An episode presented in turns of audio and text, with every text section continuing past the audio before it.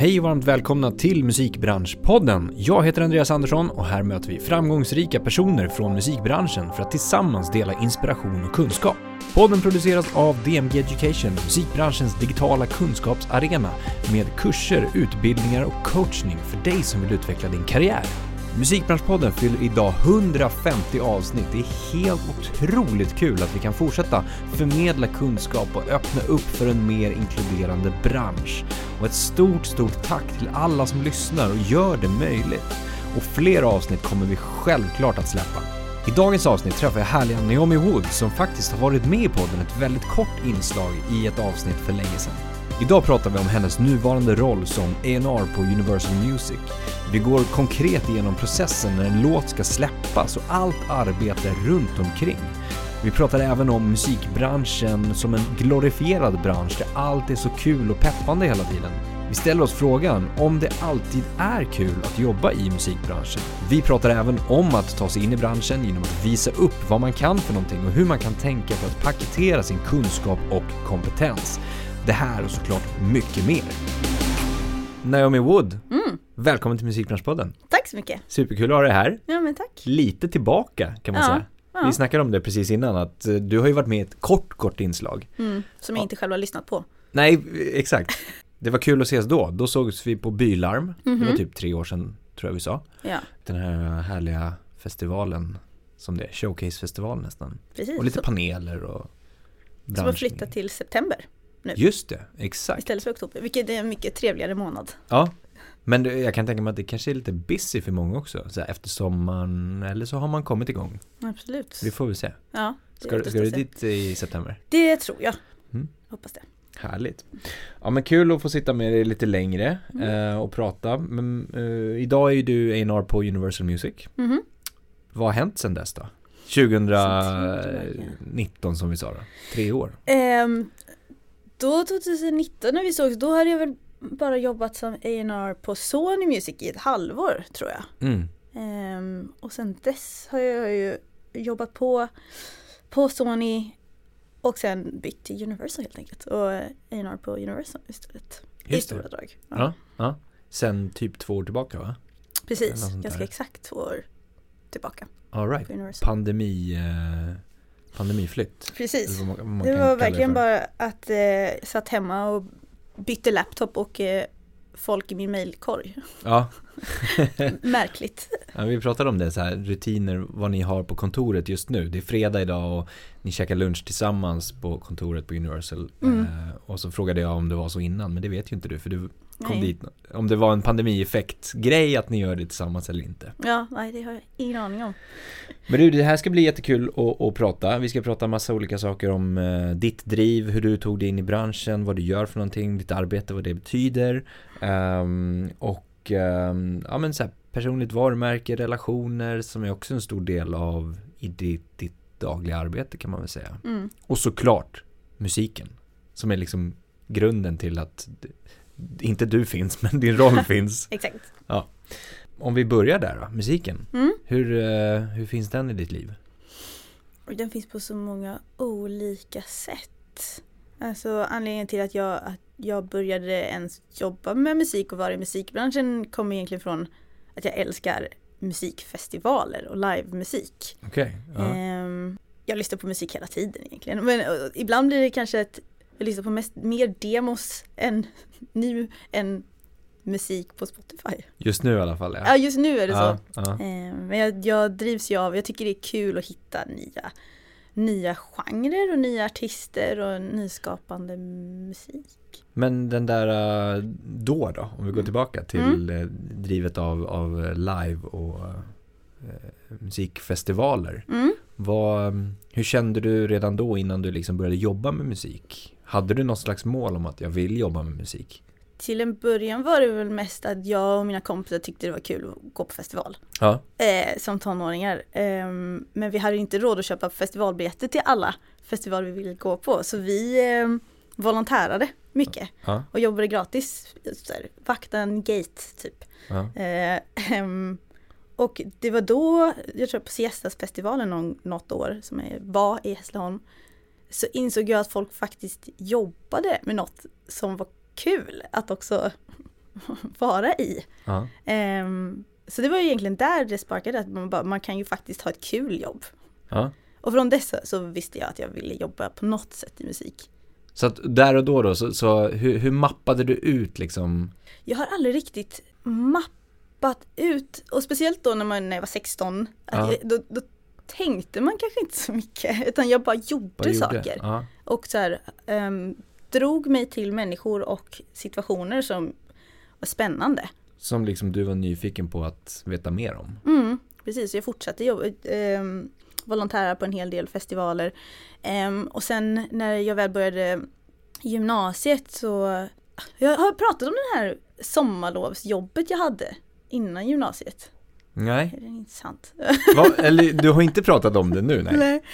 Vad var det Nej då? men äh, innan jag började i gymnasiet så, så hade jag ett sommarjobb via Växjö kommun. Jag är från Småland, från Växjö, eller utanför Växjö. ehm, där man fick ett startkapital för att starta sitt eget sommarjobb egentligen.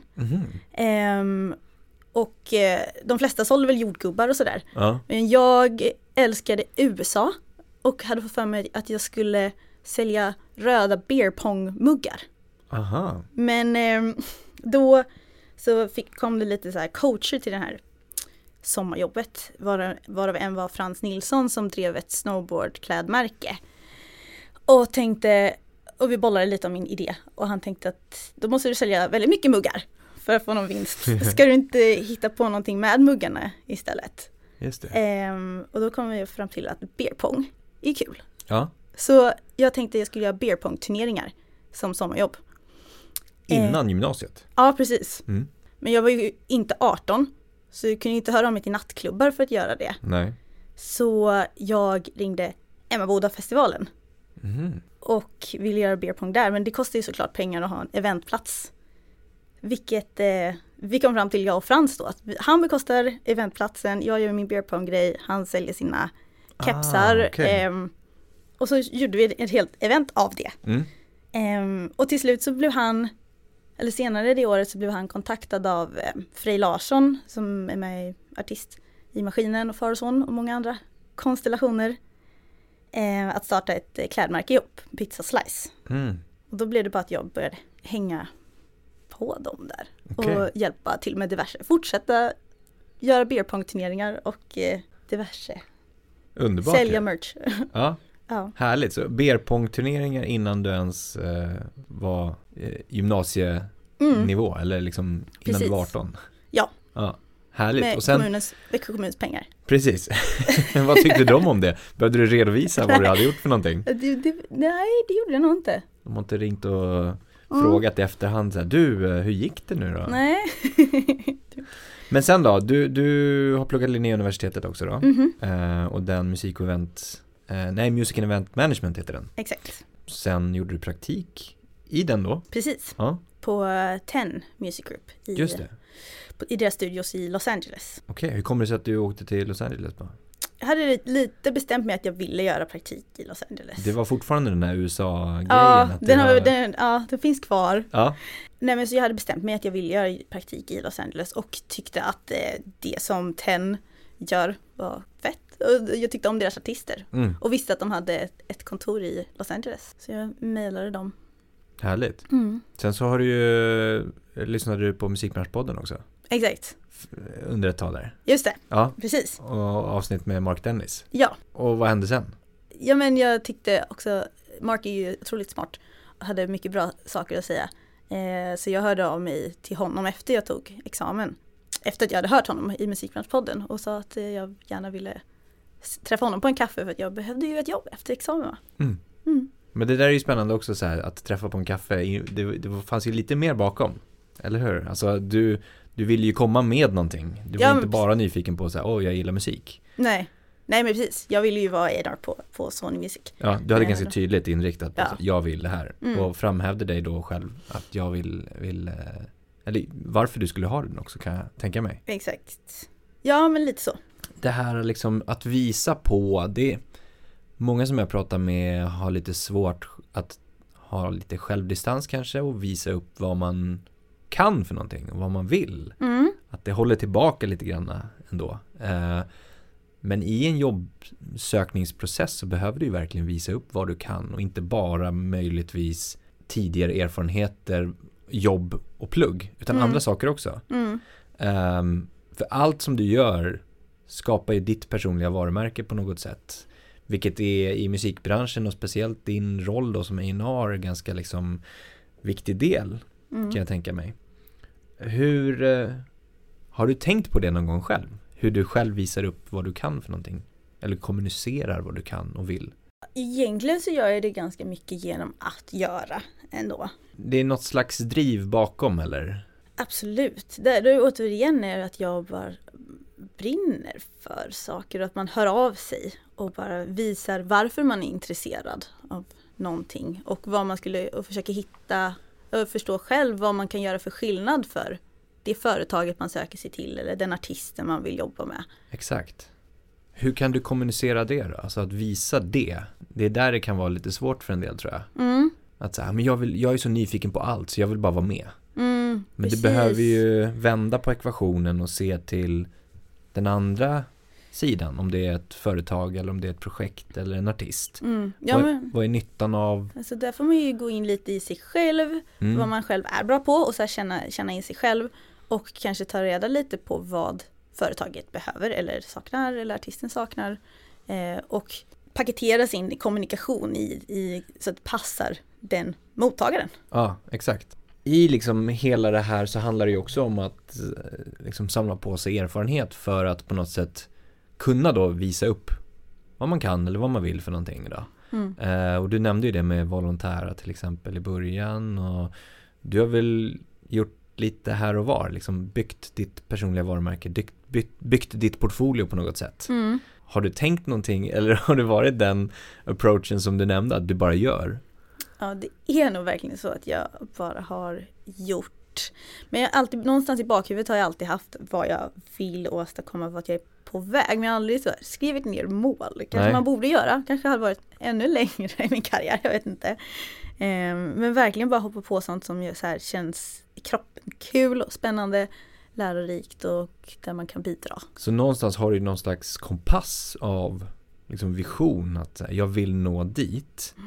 Då vet du i alla fall om du ska gå norr eller söder, så att Mm. säga. Mm. Och testa dig fram norrut till exempel. Att ja, men, det här är åt rätt håll vad min vision säger Ja. till exempel. Ja för där var det säkert så att jag också var så här, jag vill bara vara med i br- Ja. branschen. Ja. Jag, så här, det spelar ingen roll vart då, under tiden jag pluggade på Linnéuniversitetet. Nej, Eh, utan jag vill ju bara in i branschen. Och Ja. då är det ju bra att testa på och hoppa på flera olika delar av branschen. Mm. Och kanske inte, eller då hade jag inte heller något intresse av att jag var tvungen att tjäna pengar. Utan jag ville verkligen bara träffa folk och eh, få erfarenheter. Mm. Ha kul. och den då, relationsbyggande eller nätverksbyggande. Mm. När man är då helt ny i branschen till exempel.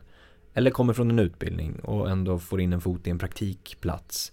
Hur, hur gick det tillväga eller hur kan man tänka kring att skapa de här, det här nätverket som är så pass viktigt? Det gäller ändå så här att höra av sig. Man kanske inte heller behöver ha en plan med varför man hör av sig till musikbranschfolk. Utan det kan ju vara verkligen att bara ta en kaffe eller en lunch eller ehm, om man är på en praktikplats att man bara går fram till någon vid kaffemaskinen och bara är en, en svamp, bara suger i sig Mm. information och eh, lärdomar. Mm. Är det någon gång du har fått liksom så här, nej, jag tänker inte ta en kaffe med dig eller jag tänker inte gå på lunch, jag har inte tid eller? Nej, det har faktiskt aldrig varit så. Kanske att det har varit att det, det har runnit ut i sanden. Kan Ja. ju vara lika med ett nej. Ja, det kan det vara. Ett, ett silent Och no, det är liksom. väl inte hela världen om man Nej. får ett nej. Nej, och det är samma sak där, det tacklar du bara genom att, nej men move on. Ja. Om vi säger nu då, det här med att skapa relationer och kontakter, det blir väl lättare och lättare och lättare ju mer man dels eh, jobbar med det du gör, ju mer du har skapat dig ett namn, ju mer du skapar dig ett personligt varumärke, ju mer du, folk du känner också. Mm. Eh, men det måste väl fortfarande finnas tillfällen där du behöver liksom presentera dig på något sätt och, och ta nya möten, nya kontakter och utvidga det här nätverket. Verkligen, hela tiden. Hur, hur approachar du det då? Nej men där går jag alltid tillbaka till det som är grunden till varför jag är i musikbranschen och varför jag tycker det här är vad som är min poäng med varför jag är A&R. Ja. Eh, och det är ju att hjälpa artister att Ja, eh, nå ut Mm. helt enkelt. Och hitta sin grej. Hur kan det se ut eh, när du till exempel kontaktar någon helt ny Mm. Eh, i ett artistprojekt? Alltså det kan vara en samarbetspartner eller eh, ett varumärke eller vad som helst. Mm. Hur reach out? Mm. Hur, hur jobbar du med att reach out till den personen eller företaget? Alltså mycket, det är ju mycket mail Ja. såklart. Ja. Och där var jag bara ganska kortfattad. Mm. brukar jag oftast vara om det är nya personer. Sen så brukar det ju såklart alltid hjälpa att ha någon som kan introducera en. Mm. Eh, om det är någon så här, som man aldrig någonsin har kontakt med eller som inte har någon typ av connection med överhuvudtaget. Kan det såklart hjälpa att ha um, någon som kan introducera en. Mm. Och att man därefter kan berätta vem man själv är. Ja men exakt. Eh, och där har jag ju lyxen att vara på ett av världens största skivbolag som har Mm. väldigt mycket kontakter. Mm. Så det är ju jättelyxigt. Mm. Det har ju såklart inte alla, speciellt inte om man går en eh, musikbranschutbildning just nu. Ehm, men ett, ett trevligt, kortfattat, tydligt mejl kan vara det som egentligen räcker. Mm. Hur hade du, om du går tillbaka, för du har ju varit där eh, att studera och vill få in, få in den här foten och, Mm, dadada, mm. och liksom se det utifrån sett. Och nu har du jobbat i den ett tag. Hur skulle du själv approacha dig själv så att säga? Om du var en eh, student som vill söka kontakt. Hur Det är hade du liksom rent konkret formulerat? Studenter som har gjort. Det Okej. är vissa som, Mm. som har hört av sig och bara vill ta en lunch eller en, en fika. Mm, mm, Eh, och det är ju alltid trevligt att luncha och fika. Mm. så det, det skulle jag nog föreslå. Eh, jag kan känna att det känns lite överväldigande ibland eh, att få stora frågor om hur ska jag göra. ja, Eh, och, så ska, jag- och så ska jag på mail komma med ett svar. komma med ett längre svar om tips när jag inte vet heller så mycket om personen. Just det. Då blir det lite svårt, det blir lite svårt att ta på. Mm. Ja, men när det gäller, jag känner det, jag har fått lite sådana frågor också ibland att, ja, men, jag är artist, låtskrivare, producent, jag vill göra det här, hur ska jag gå tillväga på bästa sätt? Mm, Det är extremt stora frågor verkligen. som egentligen kan kräva många timmar av samtal eller utbildning och research och sådana saker. Verkligen. Ehm, men hur skulle du, vad, vad skulle du skriva då? Till dig själv? ja men att eh, man, vad man vill i branschen. Eller så här, jag håller på med det här och vill kanske att man vill eh, om, om man har sådana frågor om hur man ska gå tillväga så är det eh, bättre att föreslå en, en träff. Mm.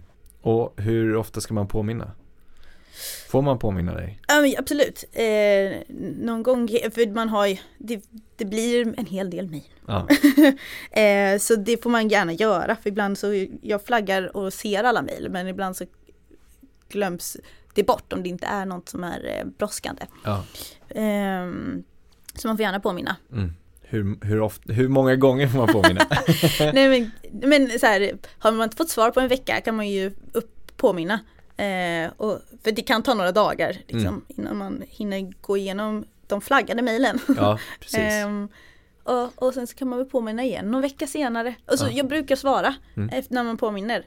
Mm. Eh, och i värsta fall så har jag inte tid just då.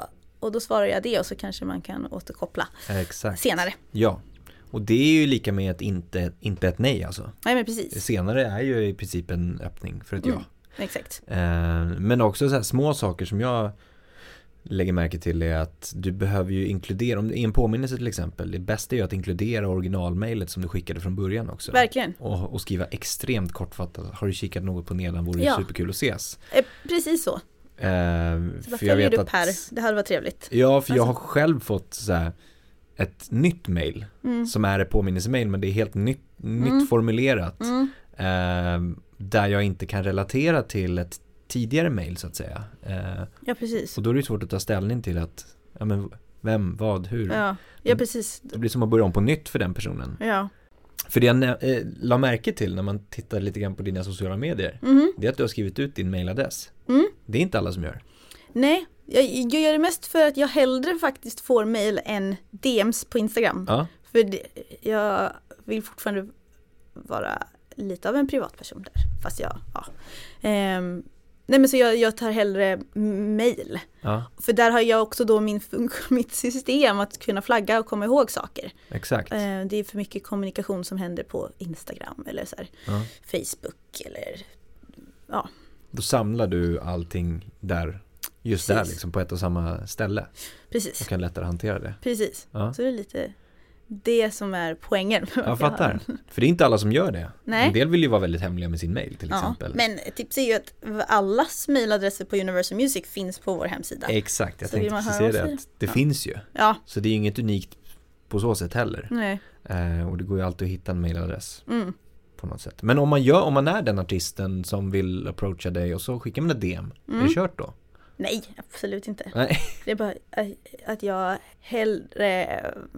Jag är mer fokuserad på mailen. Mm. Så då kanske man kanske inte får svar på DMs faktiskt. Nej. För att jag inte liksom är lika fokuserad där. Det är, då är jag mer fokuserad på vad mina polare skriver. Ja. Eh, men så är... det är inte kört. Det är kanske bara att jag faktiskt testar att mejla en gång också då. Ja, exakt. Eh, Exakt. Och det är en bra point liksom. Mm. Att gå via flera kanaler ja, och inte bara en. nej, precis. Då blir det ju som en, en, en, en liksom en, em, en superpåminnelse där också. Ja. Även fast det är första, första approachen då. Ja, men precis. Men- jag, jag själv DMar folk här Ja. i vilt. Så Ja, jag ska inte vara den som är den som bara "D- DMar mig inte. För jag, jag DMar artister och producenter och låtskrivare och managers som jag tycker är, Ja. intressanta. Ja, jag Helt- tror säkert eh, liksom, det är så olika för olika roller också. Och det, är- alltså, det är viktigt att poängtera det att andra A&R som vi har pratat med vill få DM. Mm, Du vill få mail och att det är viktigt att, att liksom göra sin research återigen ja. Eller så, för ja, den som ska kontakta dig. Precis. Eller bara ja, testa sig fram. Som sagt, inte, jag blir ingen som blir arg av att få ett DM. Eller Nej men exakt, men, men att det liksom inte finns någon, något facit på Nej. så här jag kontaktar har du vissa, en... vissa kollegor som hellre tycker om att ringas. Ja, Eh, till exempel. Eller smsa. Eh, Ja. exakt. Vi pratar ju mycket om att ja, men det är så roligt att jobba i musikbranschen. Mm. Är det alltid superkul att jobba i musikbranschen? Det är, som, det är ju som vilket, vilket jobb som helst. Det har verkligen sina ups and downs. Ja, Det är otroligt roligt att få, alltså alla typer av kreativa branscher är ju väldigt spännande att ha- ha att göra med konst och uttryck mm. och att det händer så mycket runt artister rent som är väldigt spännande. Mm. Så det är en spännande och väldigt förändrig eh, bransch. Eh, men det för, för ju också med sig att man måste verkligen eh, att det såklart många gånger blir väldigt stressigt för det är mycket Mm. som händer samtidigt. Eh, mycket som förändras fort, mycket tajta deadlines. Men, men jag tänker också så här eftersom det lite liksom målas upp att musikbranschen alltid är så himla härlig så kanske det glöms bort de där downsen ibland att det är faktiskt lite jobbigt. Det kan vara Verkligen. stressigt. Det kan vara liksom Verkligen. Och från- inte, inte minst eh, att vara artist. Alltså, Jag, Ja, Att eh, så här, skriva om sina djupaste känslor och eh, skapa ett uttryck i form av konst. mm, Och sen så ska det säljas och Mm. paketeras. Och man bara, ja, måste kännas otroligt naket som artist att så här, blotta sig på det sättet. mm, Eh, och sen så ska man tänka på så mycket annat. Eh, TikToks och marknadsföring och hur man kommunicerar och eh, rollout-planer och hela den biten. Eh, så det kan jag tänka mig väldigt, väldigt överväldigande. mm. Och i det då att, att eh, liksom vara den kreatören där du egentligen inte har ett 9-5 jobb heller. Mm. Ehm, men jobbar mot en bransch som kanske har lite mer office hours. Alltså för din del Precis. till exempel. Ja, alla, alla artister behöver ju själva vara egenföretagare. Mm, Och det är kanske inte, de, många artister vill ju skriva musik och Exakt. stå på scen. Och eh, kommunicera med fans. Eh, och kanske inte sitta med redovisningsbyråer eller ja, Skatteverket. nej, nej men exakt. Och det var tidigare jag pratade med en, en specifik kreatör som, som sa det just att det här att, att lämna ifrån sig verken till till exempel en A&R Mm, eller en manager eller en, ett bolag på något sätt är så otroligt stressande på ett sätt också. För att du kanske sitter uppe hela natten och du kanske skickar över den där demon till din A&R mm, liksom två på natten eh, och du vill få svar nu, nu, nu. Mm. Men du som A&R du jobbar mer office hours, alltså runda slängar. Mm. Eh, och kanske inte har tid för att du har massa möten nästa dag och så får, liksom, får inte kreatören svar förrän dagen efter. Mm. Den stressen på något sätt, Mm. att gå eh, liksom och vänta. Hur, hur kan du hantera det liksom som, som kontaktperson då A&R? Där tror och hoppas jag att jag är, är tillräckligt nära mina artister för de, de påminner mig. Ja, ja, om, om, de vill ha, om det är någon viktig demo som de vill ha svar på ASAP så då skickar de ett sms eller bara hallå, mm, mm, svara nu. mm, Och där kan jag ju bara göra mitt bästa och försöka lyssna och svara så, så fort som möjligt. mm. Eller bara så här, notera att jag har sett det. För att, eh, Ja, Men allt handlar ju också om att här, skapa den trygga relationen med artisterna till varandra. Att man så här, vet hur vi jobbar och så här, att de vet varför jag inte har svarat på ett dygn. mm, Eh, och att man så här, kan hitta något typ av lugn i kommunikationen. Att så här, förtroende, jag kommer svara. Att man, man bara, ja, kan känna sig trygg. mm. Det, det jag tror att det är oro, att inte få svar är ju otrygghet. Ja, för, och, och hur skapar man den trygga miljön från början då? I, ja, men till exempel en ny artist som, som du börjar jobba med.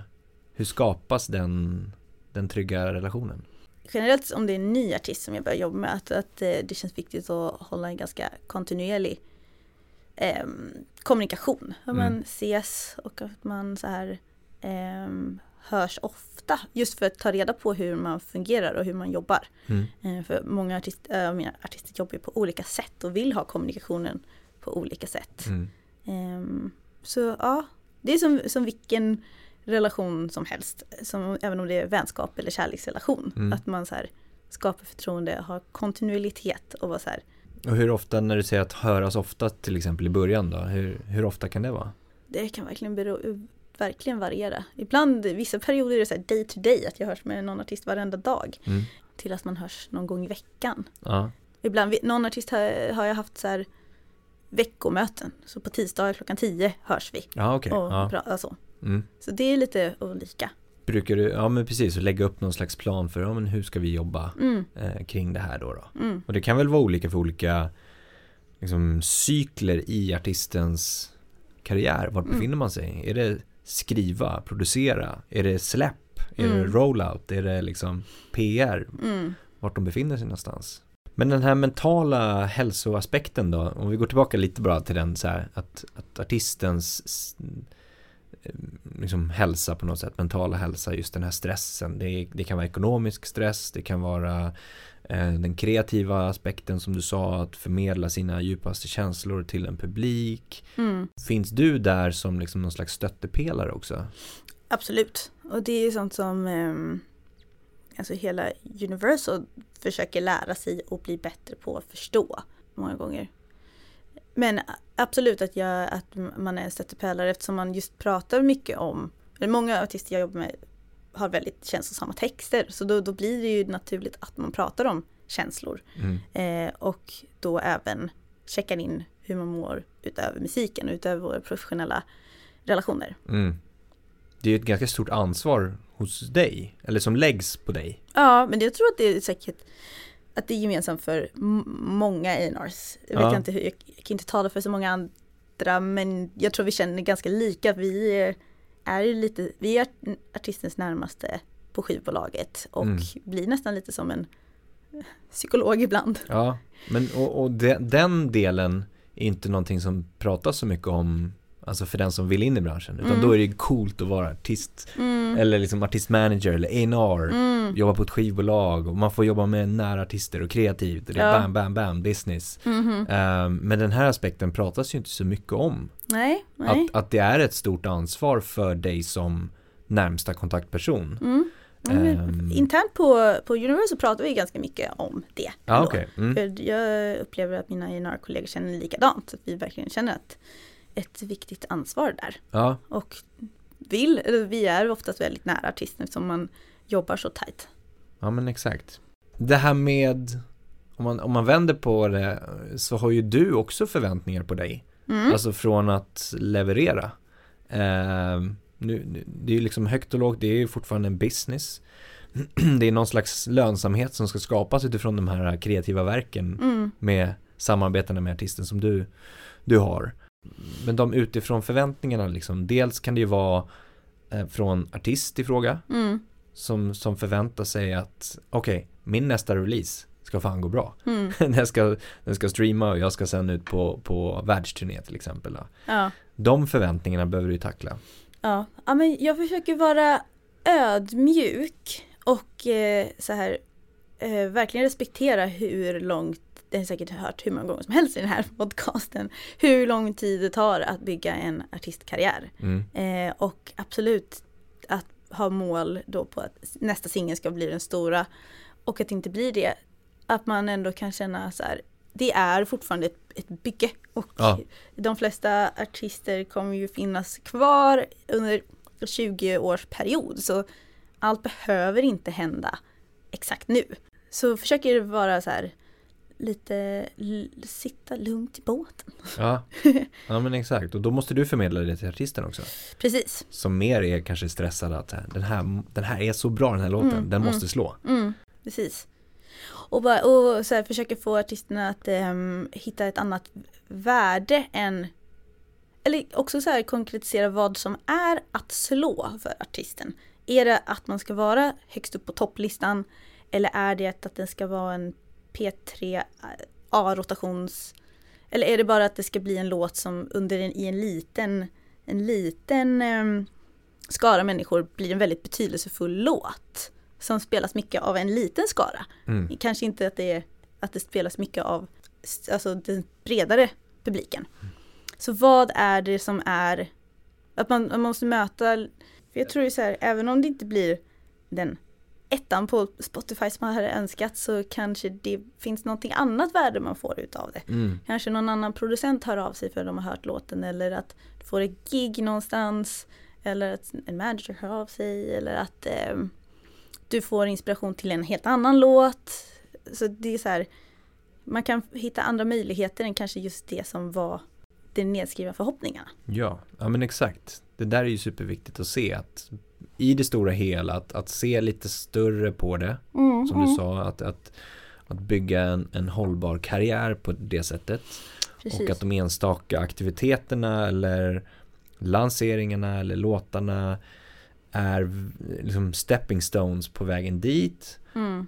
men att också inse att du inte kan styra över vad som händer när den där releasen liksom släpps lös Nej, på något sätt. Precis. Du kan påverka till viss del att ja. liksom annonsera och PR och så. Men, Ja, i slutändan så är det ju ingen som vet. Det är verkligen upp till eh, fansen och Mm. eh, lyssnarna mm, eh, i vad som kommer ske. ja, Eh, och det bästa vi kan göra tillsammans med artisten är att skapa de bästa förutsättningarna för att folk ska höra låten och folk ska, och vi ska hitta mm. till rätt personer som kommer att älska musiken och artisten. Men jag tänkte vi ska gå in på det här med, mm, eller inte tjata om det, men, men ändå att det inte är superdans på rosor hela tiden, Mhm. varje dag. Eh, det kan vara tuffa tider, det kan vara tuffa projekt, deadlines och så vidare. Och så vidare, och så vidare. Mm. Men också det här med att det inte alltid är ett kanske 9-5 jobb.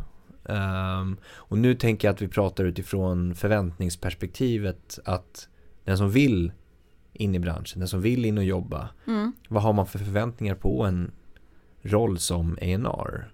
Alltså vad, har, vad ska man förvänta sig? Att det, man sitter inte och lyssnar på en, en musik bara åtta timmar om dagen och mejlar Nej. lite och sen är det frid och fröjd. Utan det är väl ganska hårt arbete också. Mhm. Det kan betyda utanför office hours för din del också. Verkligen. Men vanligtvis är det ju mycket kul grejer som att följa med en artist på ett showcase eller eh, någon eh, låtskrivarsession eller vad det, vad det kan vara. Ehm, men där kan man ju lite bygga sin egen sitt eget sätt att jobba på som A&R och välja de artisterna som fungerar med det sättet man själv vill jobba. Mm. Eh, vissa artister kanske bara har sessions mitt i natten. Och, och de förväntar en att A&R ska vara på plats. Då, så här, då väljer man det. Mm. Eller så kanske folk är mer så här, vill starta session klockan 10 på morgonen och ha office hours själv för det funkar deras schema. Så alla artister och alla A&Rs fungerar på olika sätt. Så där Mm. kan man lite, det handlar ju om att hitta de artister som man, man klickar med och som, som vill jobba lite liknande. Eh, men såklart, man bygger ju starka relationer efter, efter arbetstider. Mm. Eh, också om det är så här middagar eller showcase. ehm. och det är ju inte så pjåkigt att gå på. Nej.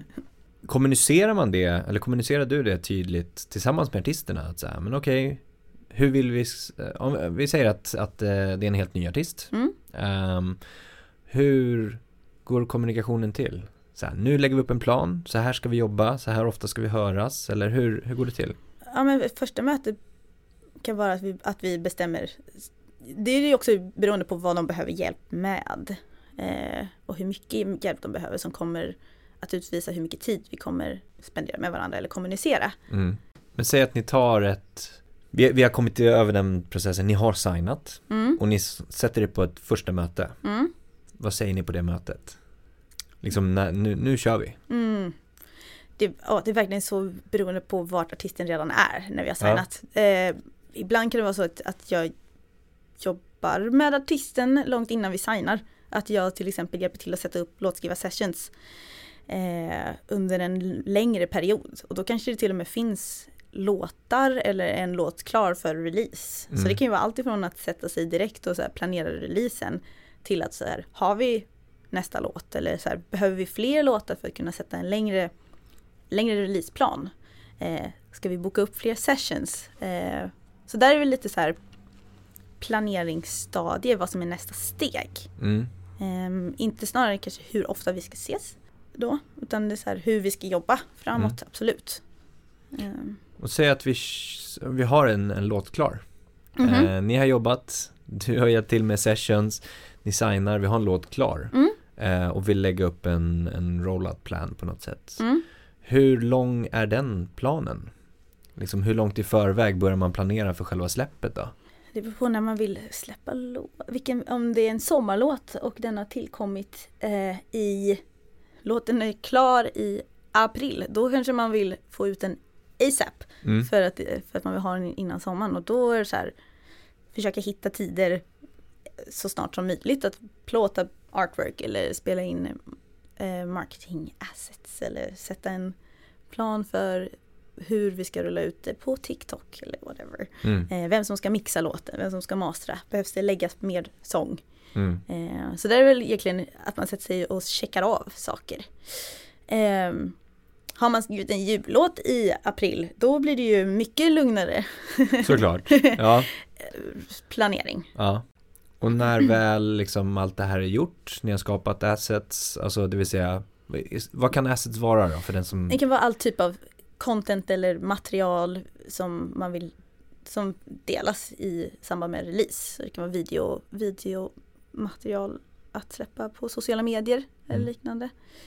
Nej men hur mycket, hur mycket i det här om vi bara går ner i lite detalj på, på mm, assets där till exempel. Hur mycket är artisterna med och, och kommer med idéer att men vi ska spela in en sån här video eller en hälsningsvideo, en lyric video eller bilder på det här sättet eller Väldigt mycket, för där, det, är inte bara, det, det är inte bara jag som jobbar med nära artisten på Nej. Universal. Utan man blir tilldelad ett artistteam. Så tillsammans så sitter vi med artisten och så här, hör vad artisten vill göra. Ehm, så det är en projektledare, PR och ibland en kreatör mm. eh, som vi har inhouse som gör sådana typer av content. Så det är absolut, vi, uppmanar, att vi vill verkligen att artisten ska vara med Mm. och eh, komma med idéer. det Just är ju det. deras, eh, deras verk. Mm. Så vi vill att de ska vara med hela, hela vägen igenom Mm. i hur det ska uttryckas och kommuniceras. Mm. Och sen är ni de som amplifierar den på något sätt Mm, och, och make it happen. precis. Och sen då, när vi har alla assets klara, vi har liksom plåtningen klar, vi har eh, låten mixad, mastrad, färdig Mm. här i handen tänkte jag säga, men i, i, i filen. Ja, Ehm, vad händer då? Hur, eh, då ska den ut, då ska den precis. releasas. Det är väl det som är så här, många vill kanske att direkt när den är klar att den ska ut Ja, på en gång. Men vi vill ju, så vi vill ju helst ha några veckor, alltså så här, om det kan vara jättegärna att det är fyra veckor innan release. mm. Att mina kollegor där börjar ju deras jobb om att så kommunicera releasen med våra partners, radio, Spotify och många andra eh, innan den kommer. Eh, ja, om det ska vara tidningar eller om man ska så pitcha till tv, grejer för PR. Mm. Eh, de vill ju kunna jobba låten och prata om den mm. internt och med, externt med partners mm. långt innan. Och det är väl ett jobb som kanske inte syns eller man förstår. Nej, exakt. Så. Så runda slängar, fyra veckor är en bra period att kunna jobba med i alla fall. Jag skulle helst vilja jobba så, men ibland blir det ju inte optimalt. Nej. Och vad hänger det på? Är det oftast, det kan vara att det är en sommarlåt som måste mm. ut som du sa. Precis. Eller att artisten verkligen, verkligen, verkligen vill få ut den. Men precis, eller att man, man har planerat att man vill släppa flera låtar innan, ja, innan sommaren och så. Så man vill försöka tajma det till någon livespelning eller eh, mm. någon annan typ av inspelning. Så många faktorer kan spela roll till varför. Om det måste spelas in nya vokaler eller så när låten väl har skrivits så tar det ju ett tag till att produkten är klar. Och sen då? Eh, hoppar vi fram, nu är det releasedag. Mm -hmm. Pang! Mm. Nu är den där ute. Mm. Vad händer då? Då, då är det ju nästa del på i alla fall hos oss som tar, tar vid eh, och jobbar marketing. Mm. Och så självklart att artisten själv får då eh, hjälp och förhoppningsvis har verktygen att kunna dela och sprida låten. Mm. Eh, och vi har ett team som jobbar med så här, hur kan artisten skapa engagemang kring låten? Och det görs ju mycket i efterhand. Ja. Eh, och då, då, är det ju externt och officiellt. Innan har, har vårt team jobbat i skymundan, att ingen ja, har, eh, och nu är det då offentligt. Ja. Hur mycket är du involverad i, i den processen, just marketing och det är ju innan, där vi, när vi skapar allting ja. egentligen, som jag är mest involverad. Men jag själv tycker det är väldigt kul att, hitta, att sitta med med vår TikTok-proffs som mm. så här, kommer med idéer om hur, hur det ska kommuniceras och hur man kan vara kreativ. För sen kanske du är liksom på nästa grej, alltså nästa release eller den långsiktiga planen eller liksom För artisten ja, ja, ja precis. precis. för då är det kanske release igen om sex veckor. Då måste jag ja, koordinera den redan. Ja, sen är det inte så mycket saker som händer för dig eller? Eh, nej, alltså nej, efter det. Men sen kan det vara alltså att man vet aldrig om det kan vara mer saker som mig. Vi kanske vill få för oss att vi vill göra en remix av mm. samma låt eller mm. att vi vill göra en akustisk version mm. av samma låt. Eh, eller att någon annan artist skriver en vers och så, så gör vi en en alternativ version tillsammans med en annan artist. Så det vet man aldrig. Det kan Nej. ju vara så att eh, processen går vidare fast man kanske testar och man vill släppa låten i en annan tappning mm. för en annat, ett annat syfte. Mm. Ja, men lite som vi var inne förut, att man följer en plan men sen så kan det ju tillkomma mm. liksom saker eller man kan ta en annan väg till samma mål till exempel. Ja.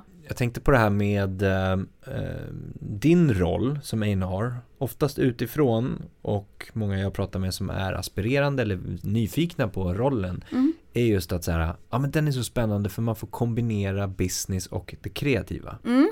Är det det? Ja, det skulle jag säga. och hur är. pass kreativ är du så att säga? Ja men där är jag väldigt involverad många gånger i såklart vara ett bollplank. Feedbacka och eh, komma med idéer till eh, artisterna eh, mm. på deras musik. Mm. Så det är absolut kreativitet i högsta grad. Och så här, saknas det någon, något i produktionen så får man sitta och bolla så här, ja men vad kan det vara, vad, vad behöver vi här? Eh, eller så här, oh hade det varit grymt att sätta dit en gospelkör här eller ska vi, eller bara kommer vi komma i mål med den här produktionen med den här producenten? Borde vi testa en annan producent och se hur, vad, vad blir stämningen då? Um, eller så här, bara komma med idéer, bara åh nu har du gjort sådana här låtar under en period. Ska du testa att göra den här typen av låt mm. eh, nästa gång du är i studion? Mm. Eh, så absolut väldigt involverad eh, i processen av, att, av skapandet. Ja. Och inte minst att komma, komma med idéer på låtskrivare och producenter som skulle passa ihop med artisten. Just det. Men då måste ju du ändå ha koll på lite grejer. Alltså du behöver ju ha koll på liksom, terminologin i det här med skapandet av musiken. Mm. Alltså som vi pratade om. Uh, du måste ju ha lite liksom, nitty gritty koll på det men samtidigt ha lite big picture på uh, trender mm. inom musiken just nu. Musikgenrer och ha koll på musik. Ja. Vad, hur, för det är det som är så spännande också tycker jag, det här med att A&R-rollen är ju inte någonting som du bara kan utbilda dig och så kan du allting om, om hur en A&R jobbar. Nej. För du behöver ju ha koll på musiken. Mm. Och den är väldigt Absolut. svår att lära ut. Den måste du ju egentligen lära dig själv på något sätt. Ja. Eller hur? ja, men så är det. Och vara observant, ska Ja. jag säga. Men hur, hur känner du själv att du har lärt dig det? Ja men till exempel att du ska komma med en, ja men här skulle det passa med gospel eller Mm. man, det här Mm. soundet passar inte riktigt just dig som artist. Mm. Det, här, det handlar väl säkert bara om tid. Som vilket, vilken grej som helst man gör. Eh, att man lyssnar och iakttar och analyserar, I guess. Ja. Eh, musik är, i kombination med artist. Och jag själv, jag själv är väldigt intresserad av ljud. Så Mm. jag själv har så här lärt mig om produktioner och hur, vad, vad är en reverb? Eller så här, ja, Mm. produktionstermer för att jag tycker att det är intressant med, med ljud och produktioner och musik. Nej, så det handlar väl bara om att vara nyfiken. Det är Mm. väl, det är svårt att vara A&R om man inte är nyfiken Mm. och vill veta mer om nytt och det, det som ska komma Ja, egentligen. ja. Ehm, Men du behöver ju ha koll på trender mm, inom Absolut. musik liksom. och, och, och då kanske inte bara lyssna på sin smala musiksmak nej, själv eller? precis. Nej, men där, och där har jag alltid haft ett intresse av att hitta det, det nyaste. Det började väl redan när jag var så här, liten och man hade mobiltelefoner och hade musik och skickades via bluetooth. Mm. Eh, och jag så här, hittade en lista där jag kunde ha koll på det absolut senaste. Och den hette Billboard. Så jag hemma då i Lessebo i Småland hade alltid koll på Billboard-listan och Mm. delade de senaste hitsen som inte riktigt radio hade börjat spela än i Sverige. Så jag har alltid bara haft ett intresse av att så här, vara först på bollen och Mm. så här, förstå vad kommer komma. Och lagt ner mycket tid på att lyssna på musik då. Exakt. Tror du att det underlättar det här med att du kan ljud? så att du har lärt dig det på något sätt också? Ja, Underlättar men det det, tror jag inte, det kan absolut underlätta men sen så, så är det ju de flesta som lyssnar och älskar musik är inte musiker själva. Eh, men kan fortfarande så här formulera i känslor mm. av vad det är som, som behövs eller saknas. Mm. Att eh, man behöver verkligen inte kunna termin, terminologin. Nej. För det är ju som sagt många, många som lyssnar på musik som inte kan någonting om musik eller vet hur man skapar det. Mm. Jag tycker det är så spännande att, att höra så olika perspektiv också. Jag har ju pratat med en del producenter till exempel Mm. som tycker att det är skitjobbigt när eller liksom mixar och mastrar det är skitjobbigt när det kommer någon och säger ja men jag skulle vilja ha lite mer umf i den här basen. Så här, vad betyder umf? Eller Ja, ja, ja. att man, man, man- ger den här känslan som du sa. Mm, mm. Att säga, ja men jag skulle vilja ha lite mer eh, dagadagang i det här. Eller sväng, eller vad det nu kan vara. Att kommunikationen skulle kunna effektiviseras genom att faktiskt som du säger kunna liksom eh, ljud eller terminologi, att du vet vad ett reverb är. Mm. Eller att man pratar om att ja, men det skulle passa med en liksom eh, den här pluginen eller liksom det här Ja. soundet komma med Absolut. referens, alltså så här, likt den här låten. Ja men precis, det är ju en bra grej att göra om man, om man inte har koll på terminologin. Att man bara så här, likt den här, det här ljudet eller stämningen på den här kicken i den här låten. Det är ju ett jättebra sätt att Exakt. kommunicera. Ja, Eh, för jag tycker ändå att många mixare jag jobbar med förstår, Mm. inte att jag säger svung, men att man så här ändå kan kommunicera i känslor och då kan de, då kan de förstå vad det betyder rent tekniskt för dem ja, att skapa. ja. Precis, men att du är lite mer detaljrik än svung eller umf. Jag hoppas det. Eller så har de lärt sig också vad det betyder i Ja. de flesta fallen. Ja. Eller så ignorerar de det och känner att okej, visst, whatever, jag lägger någonting och så låter Ja, det bra. jo.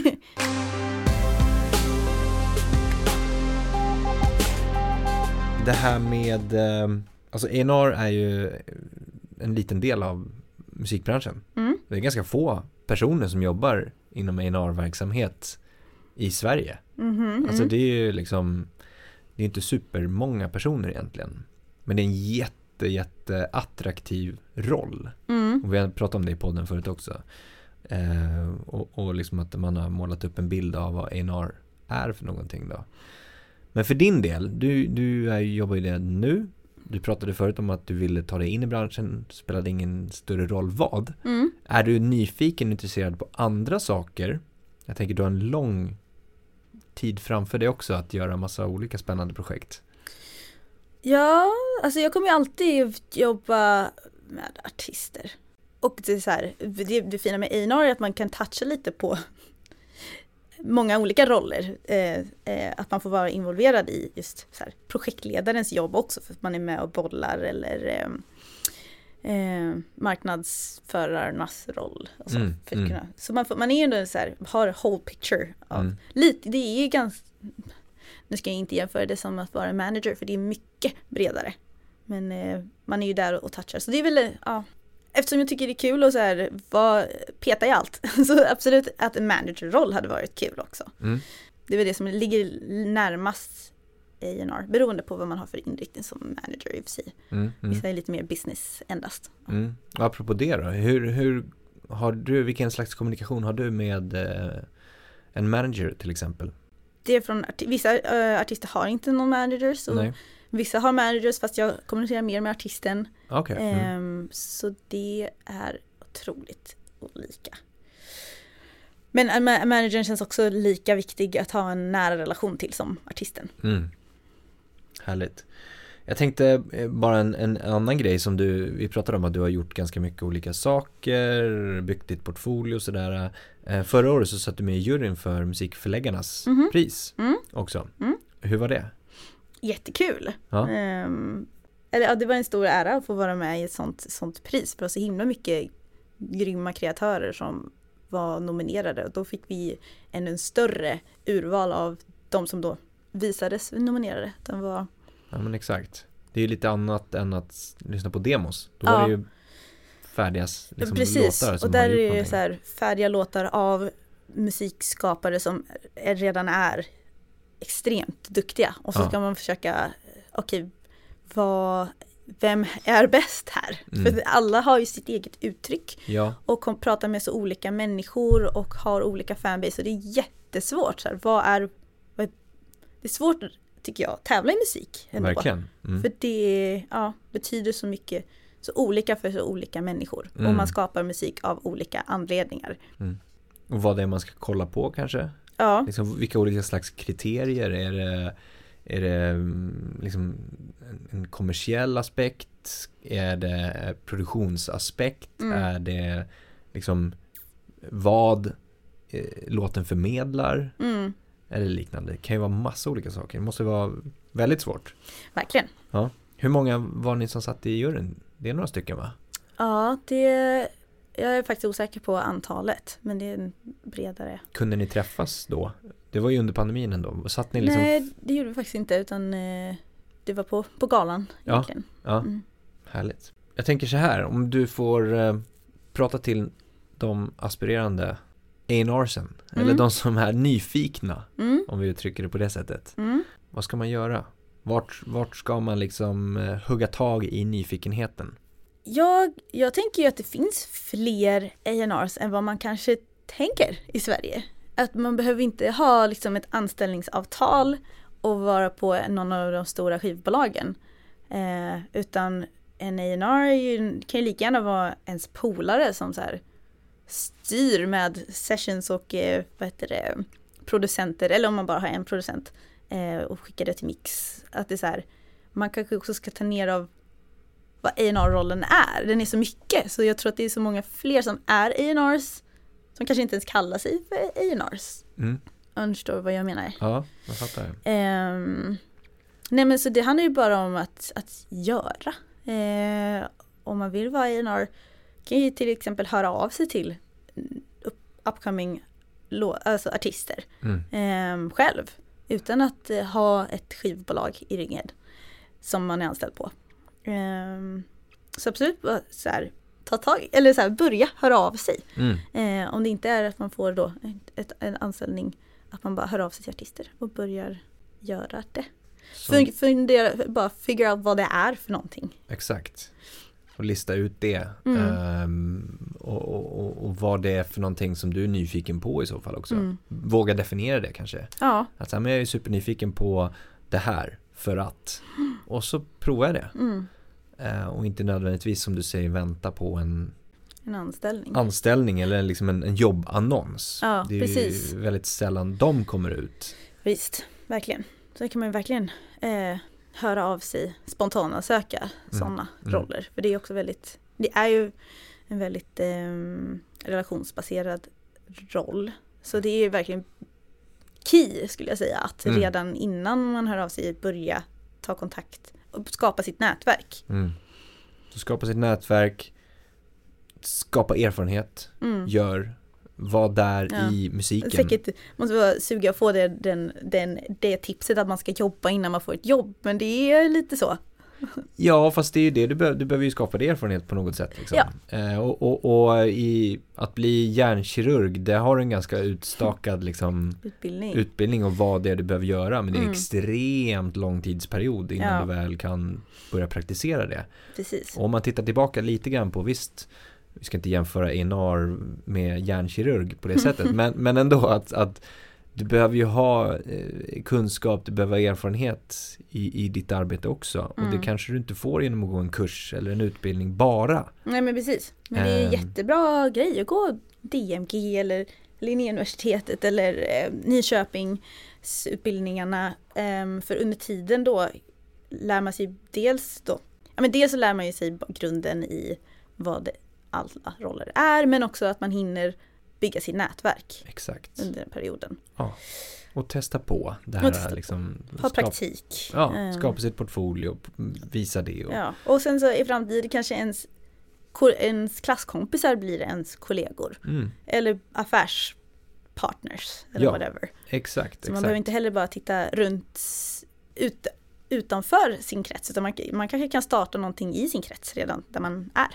Mm, verkligen. Och se det långsiktigt som du var inne på också. Exakt. Att det, det är inte bara nödvändigtvis här och nu utan vad händer då om fem år, om sju år, om tio Mm. år med alla jag har omkring mig nu. Mm. Eller det när- nätverk jag skapar. Härligt! Mhm. Mycket bra! Mm. Naomi, jättestort tack för trevligt samtal. Tack så mycket själv. Jättestort tack för att du har lyssnat på podden idag. Det uppskattas verkligen. Kom ihåg att följa, stjärnmarkera, gilla, dela, kommentera för att hjälpa till att sprida kunskapen i musikbranschen. Vi vill också jättegärna höra från dig.